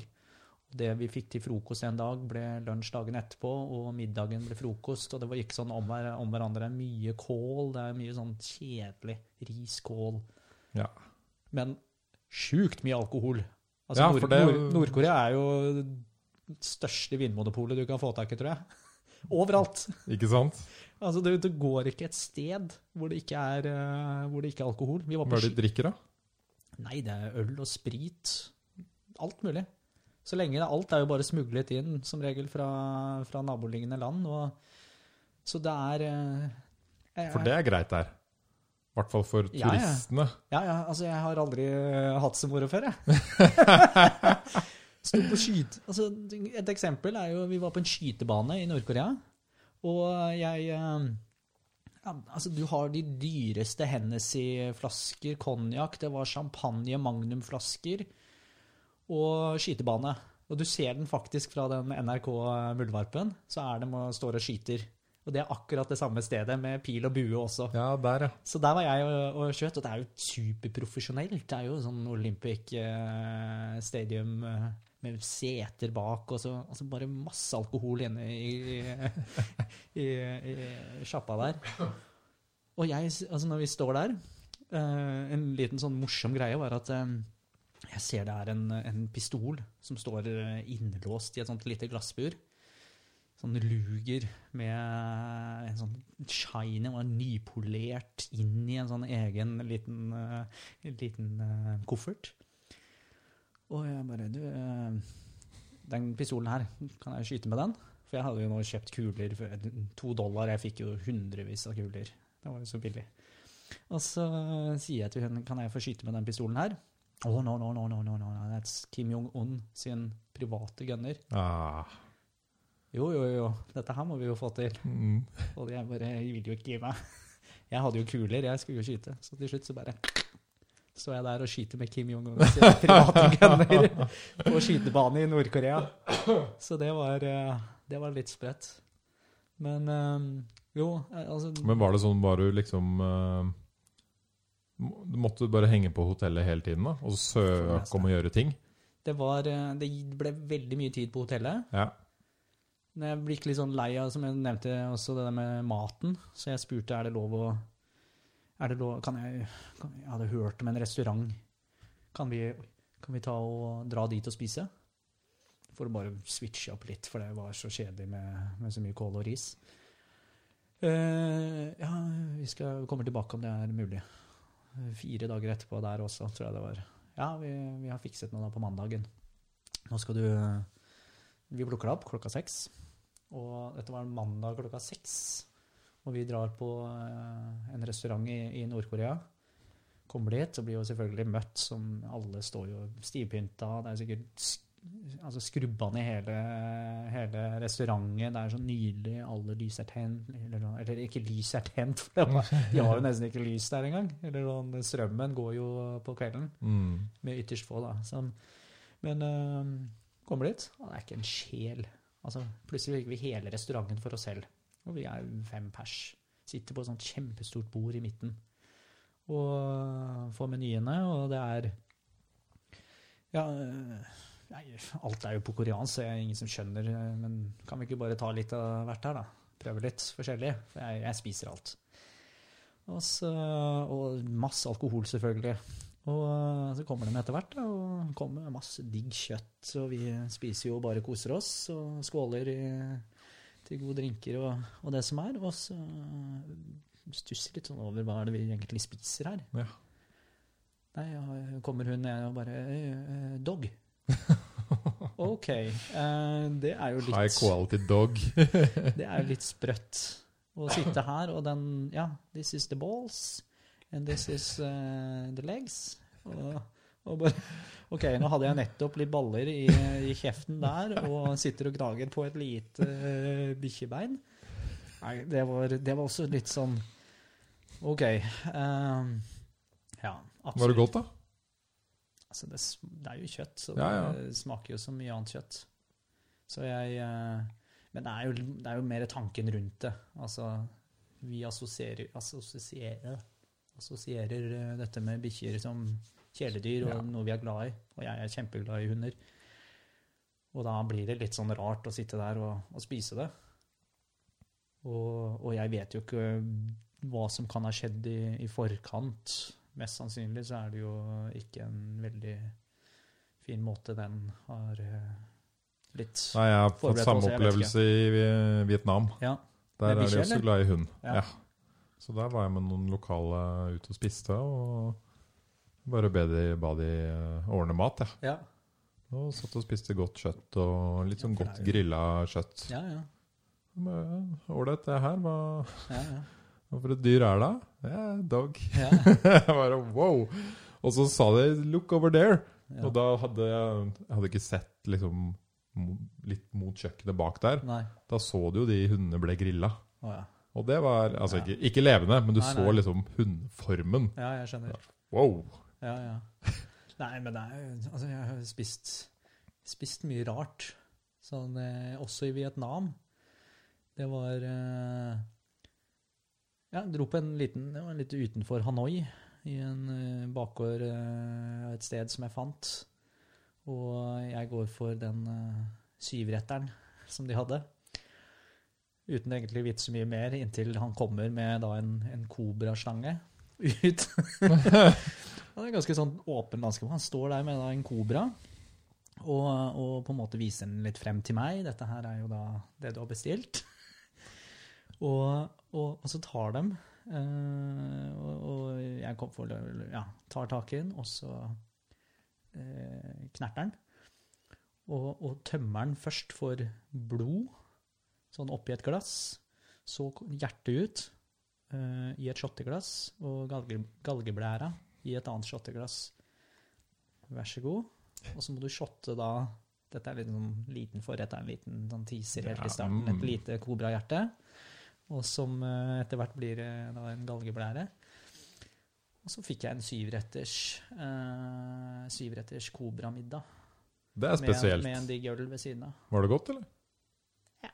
Ja, ja. ja. det var, ja, det var interessant. Ja. For istedenfor sånn derre Altså, vi hadde Istedenfor spring rolls, så var det snake rolls. Vi hadde skinnet på kobraen. er Litt sånn crispy, puffy, litt sånn Mm. chipsaktig. Det var ganske, ganske digg. Og så lagde de en liten suppe, og vi hadde Ja. Det var, det var sprø greier, ja. Men du, tilbake til Nord-Korea før, jeg, Ja. før jeg glemmer det. Hvordan var selve maratonet der? ja. Hvor mange var dere med, og Så- liksom, hvordan funka den delen av det? Ja, nei, så dette her var jo mm, første gang det har skjedd med, eh, med amatørløpere. Eh, og det gjorde jo at vi var vel en ca. 150, vil jeg tro. Rundt 150 utlendinger. Hvorav eh, igjen, jeg tror vi var en tolv eliteløpere med meg, da. Som, eh, som på en måte var en, en liten egen greie. Og så var det disse to turoperatørene som fikk lov til å tilby nå pakketurer inn til Nord-Korea. Så da hadde du Så vi var omtrent 150 utlendinger. Og så var det en 200 pers eh, nordkoreanere. Og dette var på Kim Jong-il Stadium i Pongyang. Hvor, eh, og det er en stadion som tar en, en god del tusen mennesker. Og det er klart, dette med Nord-Korea, når du har altså, Det var ikke tomt sete på den stadion, da. Det var helt når du, først, når du først blir invitert til noe sånt her, og det er utlendinger til stede, og det er litt sånn vi vil vise oss fra en, en god side, så, så kansellerer du alt annet du har av eventuelle planer, og du tar på deg nasjonaldrakter, og det er eh, Du sitter der, og, og, og, og hele stadion var jo smekka fullt. Jeg hadde jo et, liten, et lite ønske om at eh, Kim Jong-un skulle Ja. dukke opp. Det gjorde han ikke, men, men presidenten for eh, nordkoreansk eh, Sports Authorities dukket opp. Og han holdt tale og til full jubel, og det var ikke måte på. Eh, så var det Skulle starten gå. Jeg lurer på om det var sånn type ni. Hvor den startet inne på stadion. Og så var det fire sløyfer rundt i selve storbyen. Men eh, ja, så er det jo gjerne sånn. Det er jo litt nerver før man skal sette i gang. Eh, Jeg er så heldig, og siden jeg er eliteløper, så får jeg lov til å stå helt foran sammen med Det var eh, noen, en Kenya, et par kenyanere, det var Ivan fra Ukraina, det var en Usbekistan, en fra Cuba, Egypt, Marokko. Ja. Den type løpere. Så står jeg da foran, eh, og det er fortsatt sånn et par minutter igjen til, eh, til startskuddet skal gå. Så vi er jo ikke forberedt på Bare egentlig venter. Og så bare Oi, ingen som var klare. Klokka er jo tre på ni. Og så klarer de da å, å, å forårsake en tjus... Eller altså en, en eh, En Feilstart. Feilstart? Ja. Og alle folk begynner å løpe, og de bare no, no, no. no. Så må alle tilbake. For så å starte maratonet på nytt igjen. Så hva som skjedde med han, eh, han som starta, starta løpet, han, eh, ja, han fikk vel ikke den jobben igjen, og hvem vet hva han driver med i dag. Hvordan var eh, liksom, inntrykket ditt av Nord-Korea Ja. etter å ha vært der? For du var jo der faktisk noen, en uke eller noe sånt Ja, jeg også? var der, jeg var der en uke omtrent. Uh, nei, altså, det er slitsomt å være i Nord-Korea. Ja. Fordi det er ikke nødvendigvis at, eh, at ting er så eh, annerledes i den forstand. Altså, som jeg nevnte tidligere, det er taxier, folk går i gata. Det er ganske så normalt på mange måter. Men så har du dette eh, Du konstant på en måte går rundt og ser etter disse unormale tingene som du har blitt, fått, blitt fortalt i forkant. Liksom, har, har personen husket å ha på pinnen? Liksom, ok, oi, ja, hun hadde ikke det. Oi, han sykler, men det er jo ikke det egentlig lov. Det- ja. Altså, oi, der var det disse to bildene som alle skal stå i hvert eh, soverom eller eh, i husstand. Skal alle ha to bilder av, av far, og, far og bestefar? Man husker, altså, går du rundt og konstant tenker på sånne her ting. Og det er det som gjør at Nord-Korea blir litt slitsomt. Fordi du, du blir da så opptatt Jeg var jo veldig opptatt av det å dokumentere litt utradisjonelle ting. Eller ting som jeg oppfattet som var litt sånn sprø. Hva slags slags ting fikk du Nei, det var jo alt mulig sånn Og, og da blir det jo sånn her å dra på denne restauranten og spise der. Plutselig så var det en, en giftshop under. De har en sånn frihetsgudinne. Nei, ikke frihetsgudinne, men en sånn eh, hva heter den, triumf, triumfbue, sånn som du har i Paris. Mm. Sånn har de også i Nord-Korea. I en litt større utgave, da, tydeligvis. Eller, ja. Og så sitter de der og Og så plutselig så dukker det opp en dame, og hun selger mye gadgets, eller sånn ting og tang, som turist... eh, Altså suvenirer og sånn. Og det, hvorfor skulle hun plutselig dukke opp i et lite sånn, og så, så fort vi var dratt, så var den borte. Og så, og så da begynner det, og det er jo sånne her type tulleting som, som Ja, du begynner begynner å reagere litt på. Og da er det fint å bare kunne dokumentere det, syns jeg. Ja, Så du fikk lov å ta bilder og Så du får lov til å ta bilder i Nord-Korea, men du har, du, de sjekker jo hva du tar bilder av. Ja. Og de går gjennom gjerne og ser Fordi det er alt fra det å Du skal ta helprofil, f.eks. Uh, du må ikke finne på å, å ta bare fra halsen og opp som et profilbilde, som vi er kanskje vant med å gjøre. Hvis du gjør det av eh, noen statuer av eh, Kim Jong-un, eller, eller han har ikke så mye statuer av han, men i hvert fall far og bestefar, så, så får du beskjed om at du må slette dette her. mm. Så da valgte jeg å bytte litt på forskjellige mm, sånne memory cards. Ja, sånn, ja. ja, så jeg kom meg litt unna. Jeg lasta litt opp dit der og der. Så jeg har en del spennende bilder fra Nord-Korea. Kult. Det må du vise meg en gang. Ja, ja, det er Ja. klart det. Ja, det høres veldig spesielt Du må jo være sykt dyrt for dem da, å få en turist på besøk. Det For må jo, jo, Du må ha en guide, og så må du ha en sikkerhetsmann. ja. Og så skal du ut og spise, og da må du jo få hele restauranten og shine opp og ordne. Ja, og ja. Må du alltid har liksom fake folk her og der. Og ja. ja, han skal boble, ja. Oi, nei, men da må vi Men det kan, virke, det kan nesten virke litt som at uh, dette er en del av altså sånn Jeg tenker Folk blir, har blitt preppa gjennom skolegang og sånn. Det virker som det nesten kunne vært et lite sånn eget fag på skolen. Hvordan håndterer du utlendinger når de kommer på besøk? Hva skal du si, hva skal du ikke si? Det har de garantert. Og det er sånn, fordi du, Hvis du legger merke til det hver gang det er noen som nordkoreanere som blir intervjuet på noe, så refererer de alltid til The Great Leader eller The Supreme Mm. Leader. Og hvordan de har vært med å bygge det her, og hvordan de har gjort det. Og, og det er eh, Og de, de virker som de blir på en måte påtvunget til å si og gjøre og oppføre seg på en måte som eh, Eller det er ikke, det ikke bare virker sånn, det, det er jo sånn. Men hva som er bakgrunnen for det, vet jeg ikke. Så, men det er et kjempefascinerende sted. Og jeg vil oppfordre alle til å ta en tur til Nord-Korea hvis man En opplevelse for livet, det. Jeg har jo Noe, noe. En, en litt morsom greie som jeg mener er, er eh, Hvis jeg noen gang skulle stå der som forlover i et bryllup, skulle utdrikningslaget vært i Nord-Korea. Ja. Fordi da har du et sett program som allerede blir spikra inn, og du har tilgang til alkohol. Så det er egentlig bare å samle sammen eh, de som skal være på utdrikningslaget. Og så har du, som forlover er jo det bare en sånn Du har null planlegging du behøver å gjøre. ja. Nord-Korea ordner det. Det er ikke noe, er ikke ja. noe stress. Et sprøtt utrykningslag. Ja. Så, men, men. Nei, shit, det høres veldig eh, spesielt ut å være der for et land. Ja. Så det som eh, du, du spurte, eller litt som Grunnen til at vi begynte også å prate litt om Nord-Korea, var jo dette med Nå hadde jeg vært i Iran.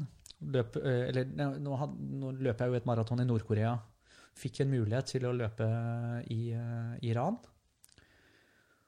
Og hvis du husker i, i 2003 President Bush på det tidspunktet i State of the Union, så refererte han til The Axis of Evil. Mm. Nord-Korea, Iran, Irak. Ja. Nå hadde jeg løpt maraton i Nord-Korea, fullført i Iran. Nå måtte jeg jo bare løpe i Irak òg. Du måtte jo det. Ja, ja, ja. For å, da bli, for å da Det er der det ordet kom fra, ja. Ja. Så The Axis of Evil er, er derfra. Og senere så har du jo også fått på en måte ja, Syria er involvert der, tror jeg. Cuba har vært også en referert til. Men the, the original Axis of Evil er i Nord-Korea, Iran og Irak. Da tenkte du dette skal jeg få til. Og så vet jeg jo at det skjer et maraton i Irak, i Erbil, oppe i nord ved, i Kurdistan-områdene. Og dette var jo på et, eh, et tidspunkt Så dette var seks måneder etter at jeg hadde løpt til Iran, så dette var på høsten, eh, hvor eh, På det tidspunktet så var det ganske harde kamper i Mosul, eh, som ligger jo en time utenfor Erbil med kjøring, så det er jo ganske tett opp til eh, krigsområder. Men de hadde i hvert fall et, eh, et løp. Jeg fikk meg to kompiser til å, å, å bli med til Irak. Det er gutteturen sin. Det var gutteturen, det. Jeg måtte jo ha litt support når jeg først skulle løpe, løpe et maraton, hvis det var mulig. Så nei, Bjørn og, og Jokke ble med. Og vi, vi fløy da du kan, Det er ganske rimelig å fly fra Oslo til Irak. Er det det? Ja, for det er eh, Pegasus. Ja. Da flyr du Oslo til, til An Ankara, og så Ankara til, direkte til, eh, til eh, Erbil. Mm. Det koster jo ikke noe med sånn Pegasus Airlines, det er jo kjempebillig. Så vi, vi dro dit, og, så, og var da i Erbil, og der også var det overraskende flott og nydelig, og flotte mennesker, og kult å oppleve Irak. Eh, og vi jeg, etter hvert fikk jo fullført maraton. Eh, det var også en litt sånn Det ble endringer, kaos som alltid. Eh, endringer gjort. Vi skulle starte klokka åtte, det ble forskjøvet til klokka ti, for de hadde ikke fått noen endelige bekreftelser på ting. Og det var Jeg husker ikke hvor mange runder jeg gjennom en sånn park, eller rundt en park vi løp. Det ble ganske mye, og, der var det jo også vannstasjoner, og det ble veldig varmt. Men disse vannstasjonene, det som er problemet med noen av disse løpene, er jo at eh, du har så mye lokale folk, og når du først skal begynne å dele ut gratisting, så blir jo alt borte. ja. Og de skal ikke løpe helmaraton, de skal bare løpe, og i det tilfellet her så var det jo sånn, jeg lurer på om den ene runden var type fem kilometer. Så alle vannstasjonene ble jo tømt i løpet av den første runden, fordi alle tok med seg bare masse vann, og eh, det var noe. Sprite, og ja. Digg kaldt vann. Mm. Så for oss som da skulle løpe en god del lenger, og det ble fortsatt veldig varmt, så var det null drikkestasjoner. Jeg var helt dehydrert til slutt der. Eh, Men kom meg i mål. Og, og det var også sånn jeg hadde fått beskjed at det kunne ta altså Det skulle ta Du kan løpe maks fem timer, tror jeg det var.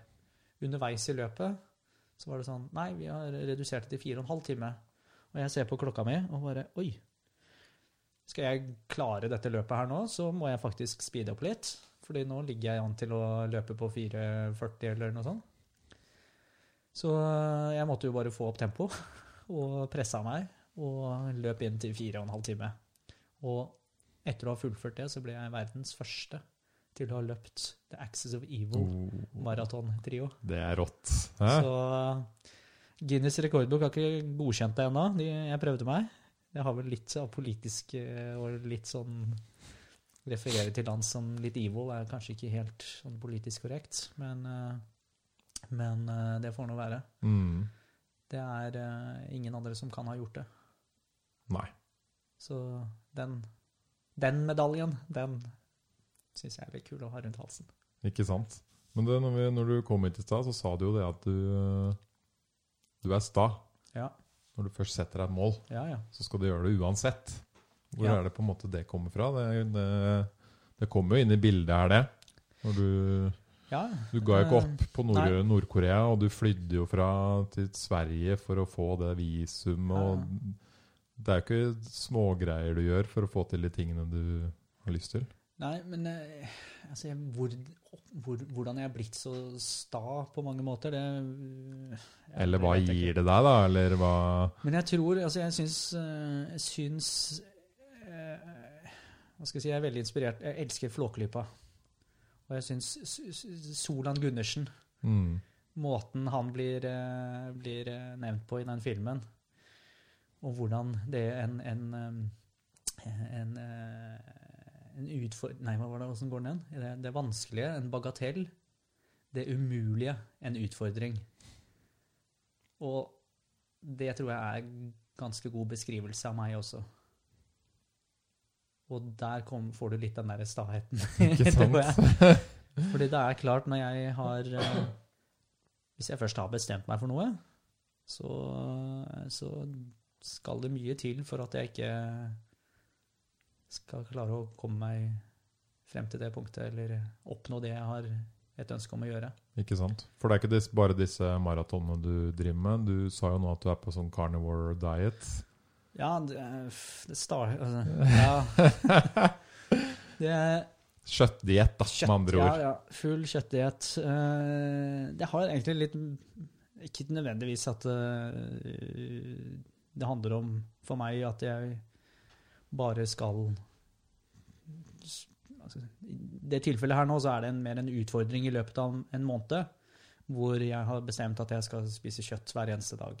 Ja, for du kjørte jo Vigen i februar, sa du. Stemmer. Så det startet, januar, januar startet med 20, nei, 100 pushups, 100 situps hver eneste dag. Så testet jeg ut å være eh, veganer i en måned i februar. Så var det for å på en måte snu det helt rundt, så skulle jeg være, eh, være kun spise kjøtt i hele mars måneden. Så hadde jeg et par sånne andre utfordringer eh, som jeg hadde lyst til å, å, å, å bryne meg på. Det som skjedde i mars, var det Covid kom jo. Og, var, eh, og da hadde jeg vært i Somalia, i Mogadishu, og løpt et halvmaraton. Eh, dro videre til Etiopia og var der eh, i noen dager. Og fortsatte jo egentlig å spise kjøtt og akkurat. Men jeg, må ha hatt noe fordi kroppen min begynte å reagere litt. Og immunforsvaret mitt ble veldig svekket i den perioden der, følte jeg. Eh, og det var eh, Endte med, og med tanke på da jeg var jo i karantene på det tidspunktet, og de utfordringene som dessverre kom med coviden i mars, det gjorde at jeg eh, irriterende nok måtte droppe hele den challengen. Mm. Og det var en har jeg merket på kroppen at det har vært en gedigen skuffelse over meg selv. Jeg Men det er viktig og, viktig og bra da, at du faktisk hørte på kroppen din, og ikke Ja. var så sta at du liksom ja, ja. ofrer helsa helt. nei, altså helse går foran uh, mye. Ja, så, Du kan alltid ta det opp igjen, sånn som du gjør nå. ikke sant? så det er det som var greia. Er at uh, nå, nå prøver vi på nytt.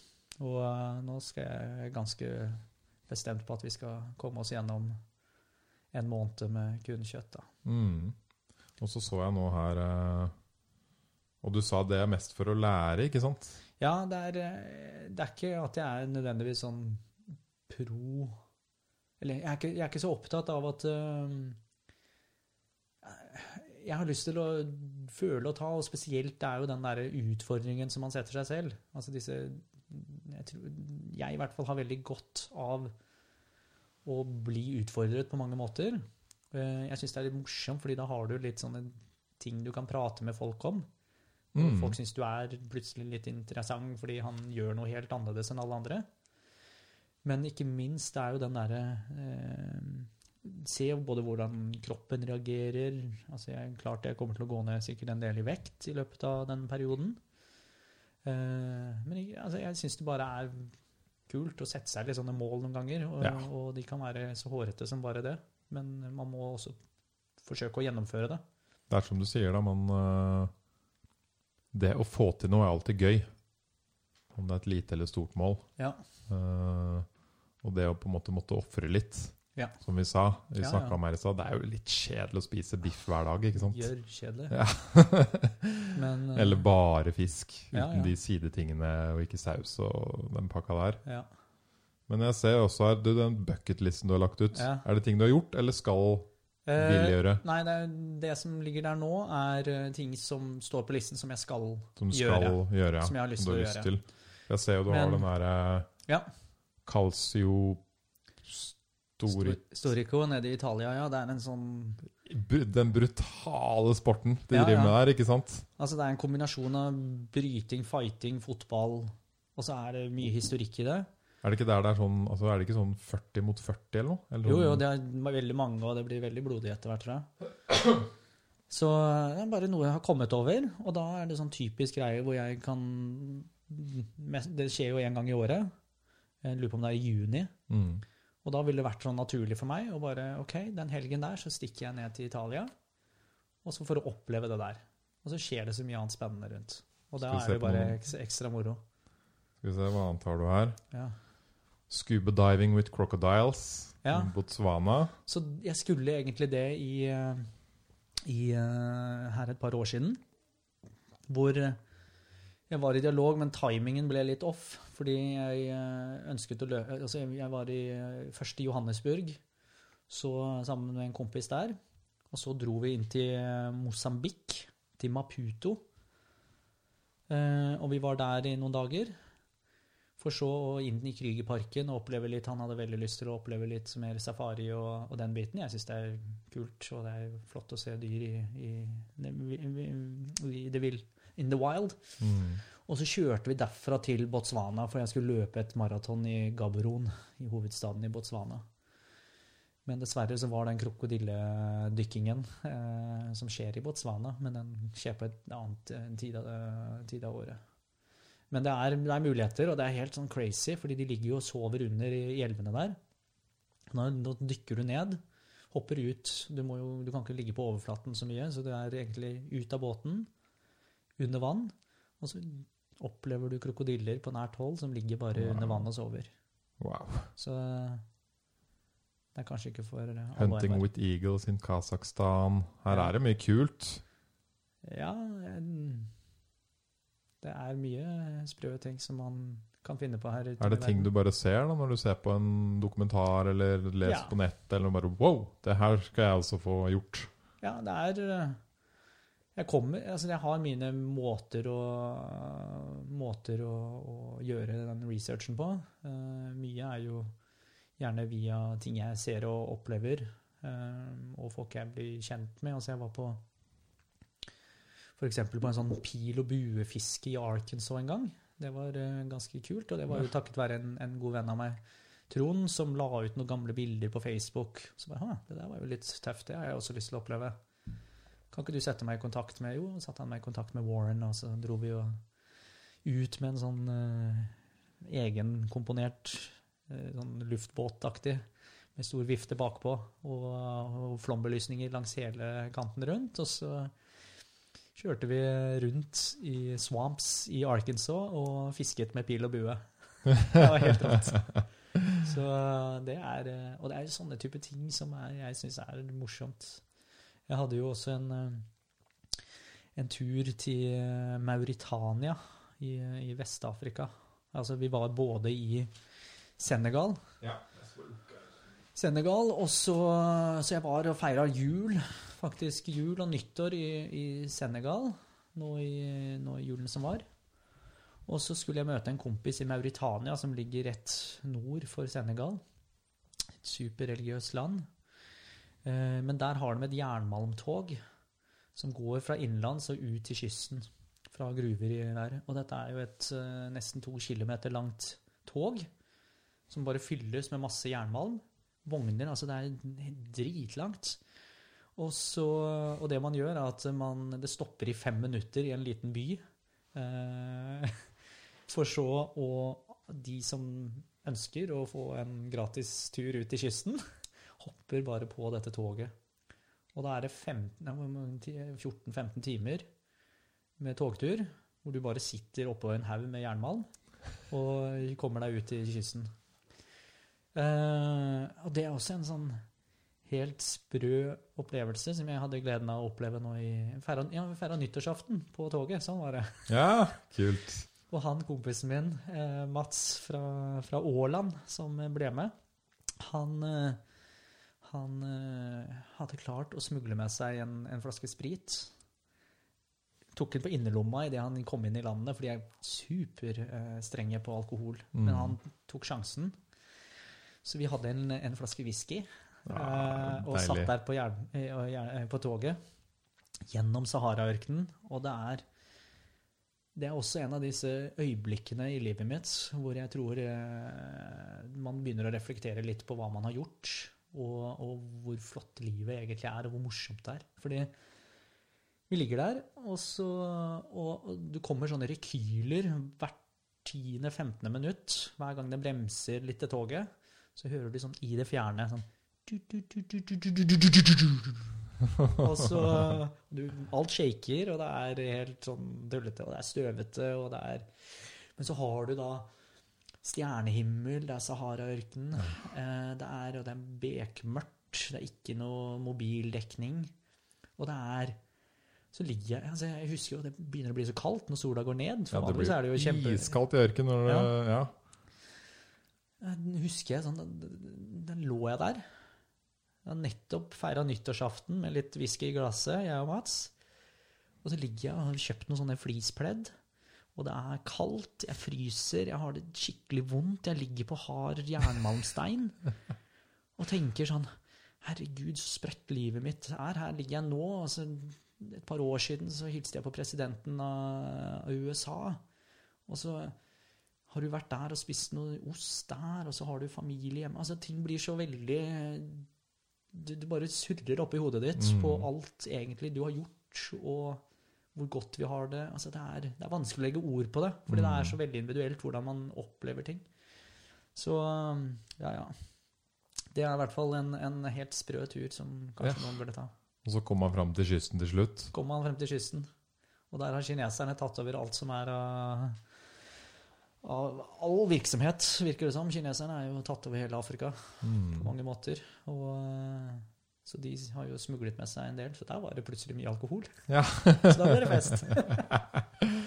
Men hva, hva anbefaler du folk da, for å prøve å finne Alle må jo på en måte prøve å finne sine typer eventyr og, Ja. og sine typer reiser. og Hvordan kommer man i gang for å liksom ikke bestille den vanlige turen til Altså jeg tror, Man pleier å stikke. Ja, så jeg tror én ting er Jeg tror vi, de fleste av oss vi ønsker jo å oppleve ting med andre. Eller når vi først skal reise, så tror jeg veldig mange foretrekker å reise med kjæreste, venner, Mm. familie. Og jeg tror kanskje litt av clouet, eh, i hvert fall for min del, og hvor ting har gjort at jeg har faktisk kunnet reise til litt andre steder, har vært det at jeg har blitt mer komfortabel med å reise alene. Og jeg tror det er litt sånn nøkkelen i mange tilfeller. For da er det du er din egen sjef. Det er du som tar beslutningene. Det er du som velger hvordan du vil eh, tråkke opp denne reiseruten. Eh, og, det, og, og det gjør at eh, det er selvfølgelig også noen nedsider. Det, til tider kan det være gørrkjedelig fordi du er der helt Mm. alene. Eh, men det også åpner deg. Og, og, ikke minst det der sorry, det at du også du, du får jo en eh, altså, Du har jo lyst til å dele disse øyeblikkene med noen, sånn at dere kan ha noe å prate om neste gang dere er ute på byen og, eller en festlig lag. Så er det sånn Det er veldig morsomt å kunne prate og ref, reflektere over de kule tingene som den gang skjedde. Men jeg tror når man reiser alene, så er man jo også litt sånn tvunget til å eh, Skal man få noe ut av turen, så blir man på en måte pushet litt selv da, til å måtte ta kontakt med folk. Mm. Ja, det er det jeg har merka med å reise alene. Da, hvis du reiser med noen, så kan du fort bli litt på latsida med Ja. det å bli kjent med andre folk og liksom Ja, ja. gjøre litt andre ting. Fordi man har det greit med den personen man reiser med. ikke sant? Det behovet er ikke der. Nei. Men når man reiser alene, som, som du sier, du blir litt på en måte etter hvert litt tvunget til å bli litt kjent med folk og teste litt ting. og liksom, Oi, dette her er spennende. Og ikke minst det at eh, Jeg har også, reist en del alene. Ja, Når du liksom lander i et land, og det er ganske sånn spesiell følelse så bare sånn, Nå kan jeg egentlig helt bestemme hva slags, hva slags meg jeg skal være. ja. ja. Hva slags type person jeg skal være. Det er ingen som kjenner meg. ja, ja. Jeg kan, være, jeg kan være helt stille, selv om jeg er en person som ikke prater mye. Eller jeg kan, Mm, liksom, jeg kan prate mye, jeg kan gjøre akkurat det jeg vil. da. helt klart. Det er en ganske spesiell følelse når du, når du, når du drar til et land. Og, ja, og jeg har også fått veldig mye igjen av å reise alene. Men som du sier, da, begge typer reiser er verdifulle. Ja. Men å starte med det er Jeg tror det å, å, å forsøke seg på en, en liten solotur og, og føle litt på de både ulempene og, og hva som godt som kommer ut av eh, det å kunne reise alene, og bare bli litt mer og mer komfortabel med det. Det Mm. handler ikke om at du skal gjøre noe ekstremt på den første turen, men, men jeg tror folk både har litt godt ja, jeg har litt godt av å reise, reise alene til tider. Jeg har jo en sånn en annen ting som jeg har gjort, og dette startet litt Jeg bodde i Tokyo en periode. Og mot slutten av tiden min i Japan så gikk jeg i, i Tokyo, nedover gaten, og hørte på litt musikk. Og så begynte jeg å tenke sånn Jeg er veldig glad i musikk. Og så begynte jeg å tenke Musikk, det er så individuelt. Hva du liker, er ikke nødvendigvis det samme som jeg liker. Men jeg tror vi alle har en tilknytning til musikk. Og mange finner mye glede i musikk. Så jeg begynte jo med en, eh, og har holdt på nå i et par år. Den er ikke helt, jeg har ikke gitt den ut ennå, men jeg har laget en playlist fra folk jeg møter rundt om i hele verden. Oi. Og så spør jeg dem et enkelt spørsmål, som å da sitte på en bar i, i, i Ukraina. Bare hei. Um, kommer litt i kontakt, og så sier jeg til han, uh, han ene jeg møtte der, f.eks. Can you name a song that makes you happy? Eh, oi, det var da litt Og noen, for noen er jo det ganske sånn Der kom den med en gang. Jeg blir superglad hver gang jeg skal gjøre et eller annet, eller jeg skal gjøre meg klar for byen, eller det er den sangen jeg bare må høre på. Eller kan ha en annen betydning. Kanskje det noe Det er en sang som gjør deg glad, for den vekker minner fra din familie som Eller faren din som kanskje ikke er der lenger, men det er noe som får deg til å smile og føle deg glad hver gang du hører den sangen. Så jeg har nå laget en The Sound of Happiness. Wow. er en playlist som kommer snart på Spotify. Ja, Og det er en det, Du kan bare ikke bli i dårlig humør av det. fordi så digg. det som er litt digg med den playlisten her, er at uh, uansett og jeg, kan, jeg skal ærlig innrømme det er mange av de sangene som ikke jeg har noe til overs for, men det er fordi jeg kanskje ikke nødvendigvis liker den sjangeren eller betyr meg så mye. Men da skal du bare vite at det er én person der ute i verden. Hver gang de hører den sangen der, så blir de ekstremt glad. Og det er en sånn jeg, kan ikke skjønne at det, det er den beste playlisten der ute. Men uh, Ja, den gleder jeg meg til at du Ja. skal dele. Det, det blir kult. For det er eh, Jeg tror mange også har eh, Ja, det kan være litt sånne historier knyttet opp mot det. Og jeg må si jeg har fått øynene opp for en del sjangere og, og sanger og artister. Og, og så er det denne icebreakeren, da, som, Mm. som jeg syns er utrolig deilig å kunne spørre folk om sånne her ting. Og så plutselig så kommer vi i en dialog, og de syns det er litt fascinerende. Jeg var satt i en eh, taxi en, en, en historie jeg husker veldig godt, var taxi fra Tel Aviv og ut til flyplassen. Hvor jeg snakket, eh, snakket jeg med taxisjåføren min. Og han eh, ja, kom kjempegodt overens. Og han, jeg spurte han da, har du en sang som gjør deg glad. Å, yes, yes, yes. Og så husker han ikke helt åh, Og så kommer vi, og så kjører vi opp inn til flyplassen, terminalen der. Da satt den. Og det var Ah, Like a. Rolling Stone-sangen som, han, som han ville. Og, og, og jeg bare husker så veldig godt den turen vi hadde, og de samtalene i bilen der. Og hvordan det var å For jeg hadde hatt en kjempefin tur, og det var en Mm. sånn fin sånn avslutning på en, en fin tur til Israel. Hvor er det neste eventyr går, da? Når det, når det går? Når det går, ja. Godt spørsmål, for det altså Jeg klarte jo å starte et reiseselskap rett før covid. som, som timingmessig har vært noe utfordrende, kan du si. Eh, og det, jo en, det var jo et reiseselskap som skal eh, knyttes litt opp mot mine relasjoner til og, og ikke minst reiser som jeg allerede har opplevd. Så hvis du har lyst til å sitte på et jernmalmtog i Mauritania, så er det én måte du kan få oppleve det på. Enten så får du gjøre det selv, eller så kan du bli med meg på tur.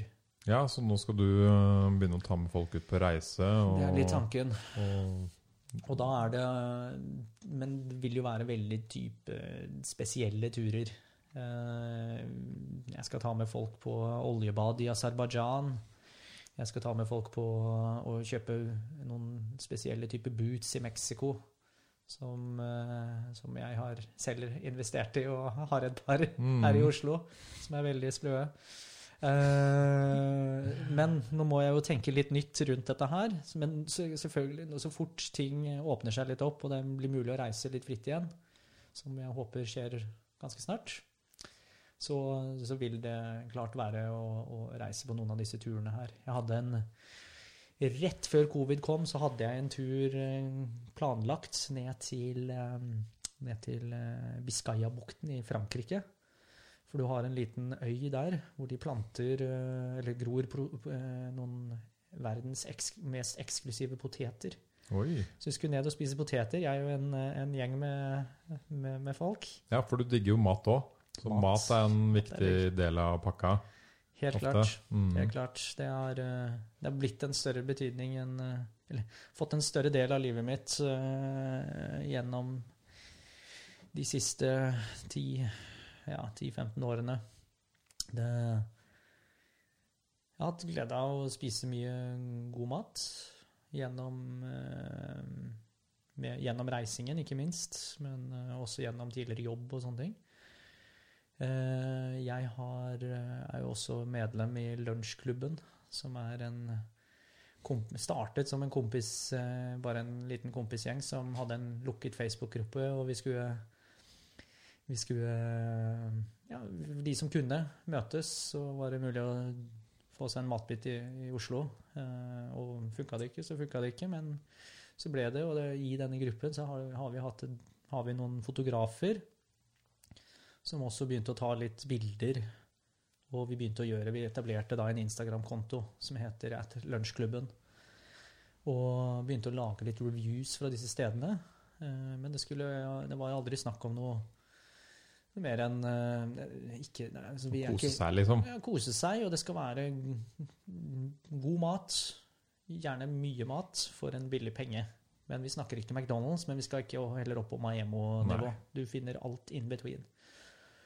Og dette her fikk jo plutselig mye mer uh, Oppmerksomhet oppmerksomhet enn hva vi hadde sett for oss. og- Fordi vi etter hvert så begynte vi å gjøre litt sånn eh, sam, uh, altså, uh, samarbeid og, og collabs med forskjellige restauranter. Vi har eh, gjort alt fra en iskrem på, på Ice Crime, eh, en sandwich på Texas Barbecue, som heter Ralphs Barbecue på Stabekk, hvor, hvor du hadde eh, en egen sånn hidden sandwich uten, utenom menyen, altså som du måtte spesielt spørre om. Vi hadde en salgskonkurranse med Petter Stordalen på Teatro, pizza restaurant der. Rått.